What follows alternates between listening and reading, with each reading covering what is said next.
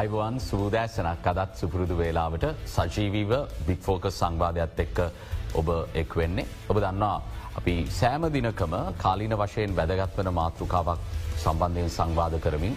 ඒ පිළිබඳව ඔබට තියෙන ප්‍රශ්න ඒ පිළිබඳව අපිට තියෙන ප්‍රශ්න. ඒවගේම අපි ප්‍රශ් කරන පාර්ශවයට තියෙන යෝජනා සහ ඔවුන්ගේ වැඩ පිළිවෙල සම්බන්ධයෙන් ඔබ දැනුවත් කරන්න බික්‍ෆෝකස් සංවාධය ගෙන එන්නේ. අද ඉතාම වැදගත් මාතෘකාවක් ගැන සාකච්ඡා කරන්න අපි සූදානම් බදන්නවා රටක ජාත්‍යන්තර සබඳතා ගැන කතා කරද්දී රටේ විදේශ සේවයට විශාල වගකීමක් පැවරෙනවා මේ ජාත්‍යන්තර සබඳතා පවත්වා ගැනීමේදී එත් එක්කම රට ලෝකඇත් එක සම්බන්ධ කරන ක්‍රියාවලිය පාලම් බවට පත්වෙන්නේ ඔවුන්. එනිසා ශ්‍රී ලංකාව තුළ මේ වන විට විදේශ සේවාව සම්බන්ධයෙන් තියෙන කරුණු කාරණා පිළිබඳව අද අපි සාකච්ඡා කරන්න සූදානම් මේ ක්‍රියාවලිය සහ ඉදිරියේදී මොනවගේ වෙනස්කම්වලට ලක්වෙන්නට නියමිතව තිබෙනවාද අනාගත යෝජනා මොනවාද මේ සියල්ල ගැන අපි කතා කරමු. විදේශ සේවේ ඉතාම අත්දැකීම් බහුල තිදෙනෙක් අද කැඳවා ගත්තේ අපි සංවාදයට. මේ වන විට විදේශකටයුතු අමත්‍යංශයේ කන්සිවලාංශයේ අධ්‍යක්ෂ චෙන්ද්‍රල් වරයා විදිට කටයුතු කරන සිසිර සෙනවිරත්න මහත්මයට ඇරම් කර ඔබතුමා වායිවන් කියල පිළිගන්න. ඒත් එක්කම මේ වන විට විදේශකටයුතු අමත්‍යංශයේ මැද පෙරදිකාංශය අධ්‍යක්ෂ චෙන්ද්‍රල්වරිය ලෙස කටයුතු කරන ප්‍රදීපා සේර මහත්මයට තැරම් කලා ඔබතුමේවත් අයිවාන් කියල මැදිරීට පිළිගන්නවා. ඒත් එක්කම අපි ඇරයම් කලා විදේශකටයුතු අමත්‍යංශයේ විදේශ දූත මණ්ඩල පාලන අධ්‍යක්ෂ චෙන්ද්‍රාල් ප්‍රසන්න ගමගේ මහත්මයට ඔබතුමාවත් අයිවන් කියලා පිළිගන්න. මුලින්ම මං කන්සිවලාංශයට යොමුවෙන්නේ නේදිනිවල කන්සිවලාංශයට අදාළව යම්යම් සමාජයටත් ප්‍රශ්තියන විශේෂම ජනතාව කන්සිවලාංශයත් එක සම්බන්ධ වෙලා කරගන්න සේවාවන් වලදී යම්යම් ගැටලු මතු වෙලා තියෙනවා කියලා නමුත් ප්‍රවේශයක් විදිට මං කැමති කොද කන්සිවලාංශේ කාර්යභාරය විදේශකටයුතු අමාත්‍යංශය කන්සිවලාංශය කියලා කියන්නේ මොකක්ද කියලා පැහැදිලි කරගෙන සංවාදයට ප්‍රවේශයක් ගන්න. බොහම ස්තුති කලින්දු ඒවගේම දෙරන ආයතනයට අපි මෙවස්ථාවද ස්තුතිවන්තය නොම අවස්ථාව අපිට ලබාදීම සම්බන්ධය.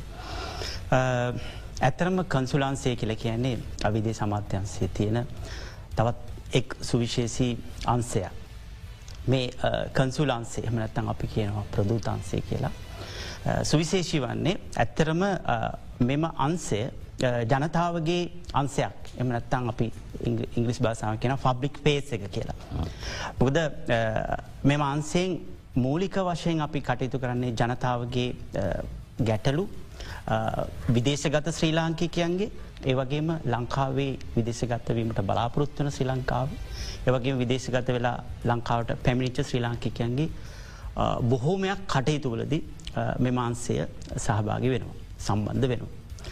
ඉතිං කොන්සුල කර්තාවය පනත එක් දසමසය අසුව එක සහ එහි අනුසංගික පනත් දෙදස් හය වගේ අවස්ථාවලදී ඇතිකරපු පනත් මගින් තමයි මෙම ආයතනයේ කටයුතු කර්තාවයන් සිද්ධ වෙන්න.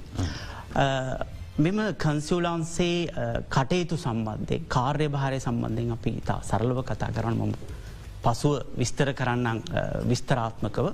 ඇත්තරම මේ අන්සය සම්බන්ධිත වෙලා තියෙනවා සම්බන්ධිත වෙලා තියෙනවා අන්ස කීපයකින් අනුවන්ස කීපයකින් ලේකන සත්‍යාපනය කිරීම අන්සය ඒවගේම සියරට ගෙන්වා ගැනීමේ අන්සය. ඒවගේම වන්දි මුදල් සම්බන්ධයෙන් කටයුතු කිරීම අන්සය උදාරණයක් විදියට පිටරටකදී අපි ශ්‍රී ලාංකිකයෙක් මරණයකට පත්වෝත් එම නැත්තං එතුමාගේ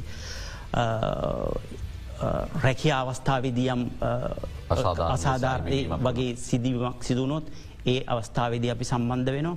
ඒවගේම කන්සුල කියල කියන්නේ ඇත්තරම විවිධ අපිට එක සමහර වෙලාවට පොතේ තියෙනවට වඩා විවිධාකාරයේ ගැටලුවලට අපේ පරිසරයන් අපේ වපසරියන් විශාල ශේත්‍රයක් සරහා විහිදුවන අන්සයක්.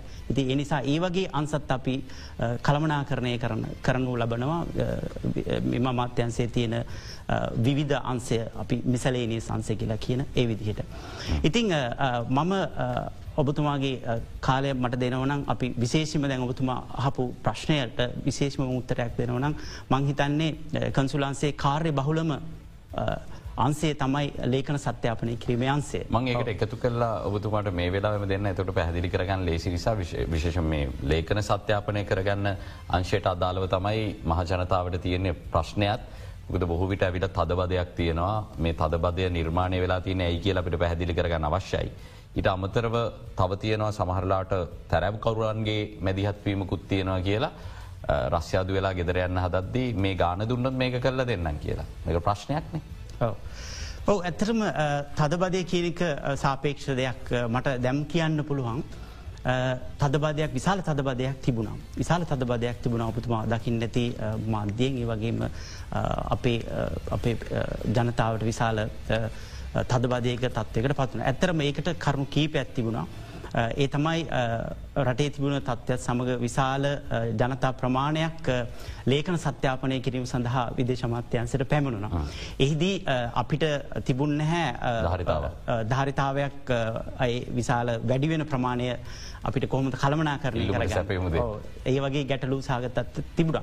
ඉතින් අපි ඒ තත්ත්වය කළමනා කරණය කර ගැනීම සඳහා අපි අඳුල්ලා දුන්නා ඔන්ලයින් ඇපොයිමට එහම නැත්තං ඔන්ලයින් ඇපොයිමට ක්‍රමවේදයක්.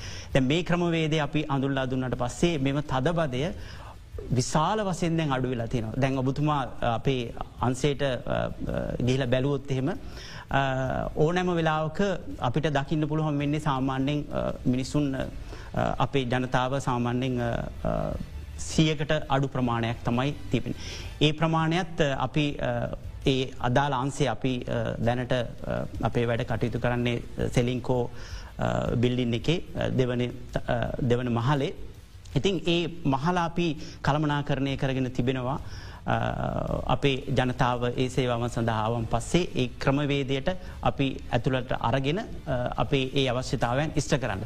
ඉතින් කාටහරි තමන්ගේ ලේඛනයක් සත්‍යාපනය කරන්න අවශ්‍යනම් එතුමා හො එතුමිය ඉස්සලම කළ යුත්තේ ඊ චැනලින් සේවාව හරහා අපොයිමන්ට් එකක් ලබාගණ්ඩ ඒ අපොයිමන්ට් එක ලබාගත්තර පස්සේ අපොයිමන්ට් එක තියෙනවා වෙලාවක් තියෙනවා. ඒ වගේම දිනයක් තියෙනවා.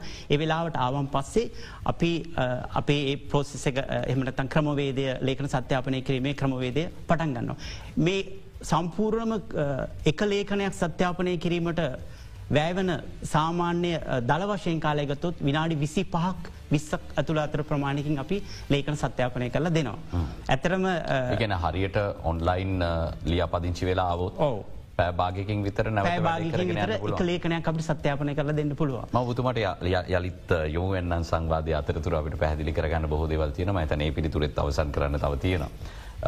ප්‍රතිපසේර මහත්මය එතුමිය මැද පෙරදික අංශය සම්බන්ධයෙන් වැඩ බලන අධ්‍යක්ෂ ජනරල් වැඩබල අධ්‍යක්ෂ ජනරල්තු පිනම මංකිවීම එහි වගකීම භාරව කටයුතු කරන අධ්‍යක්ෂ ජනරල්තුමිය නිසා මංහිතන්නේ වැඩිම අවධානයක් යොමුවෙන අංශය විශේෂම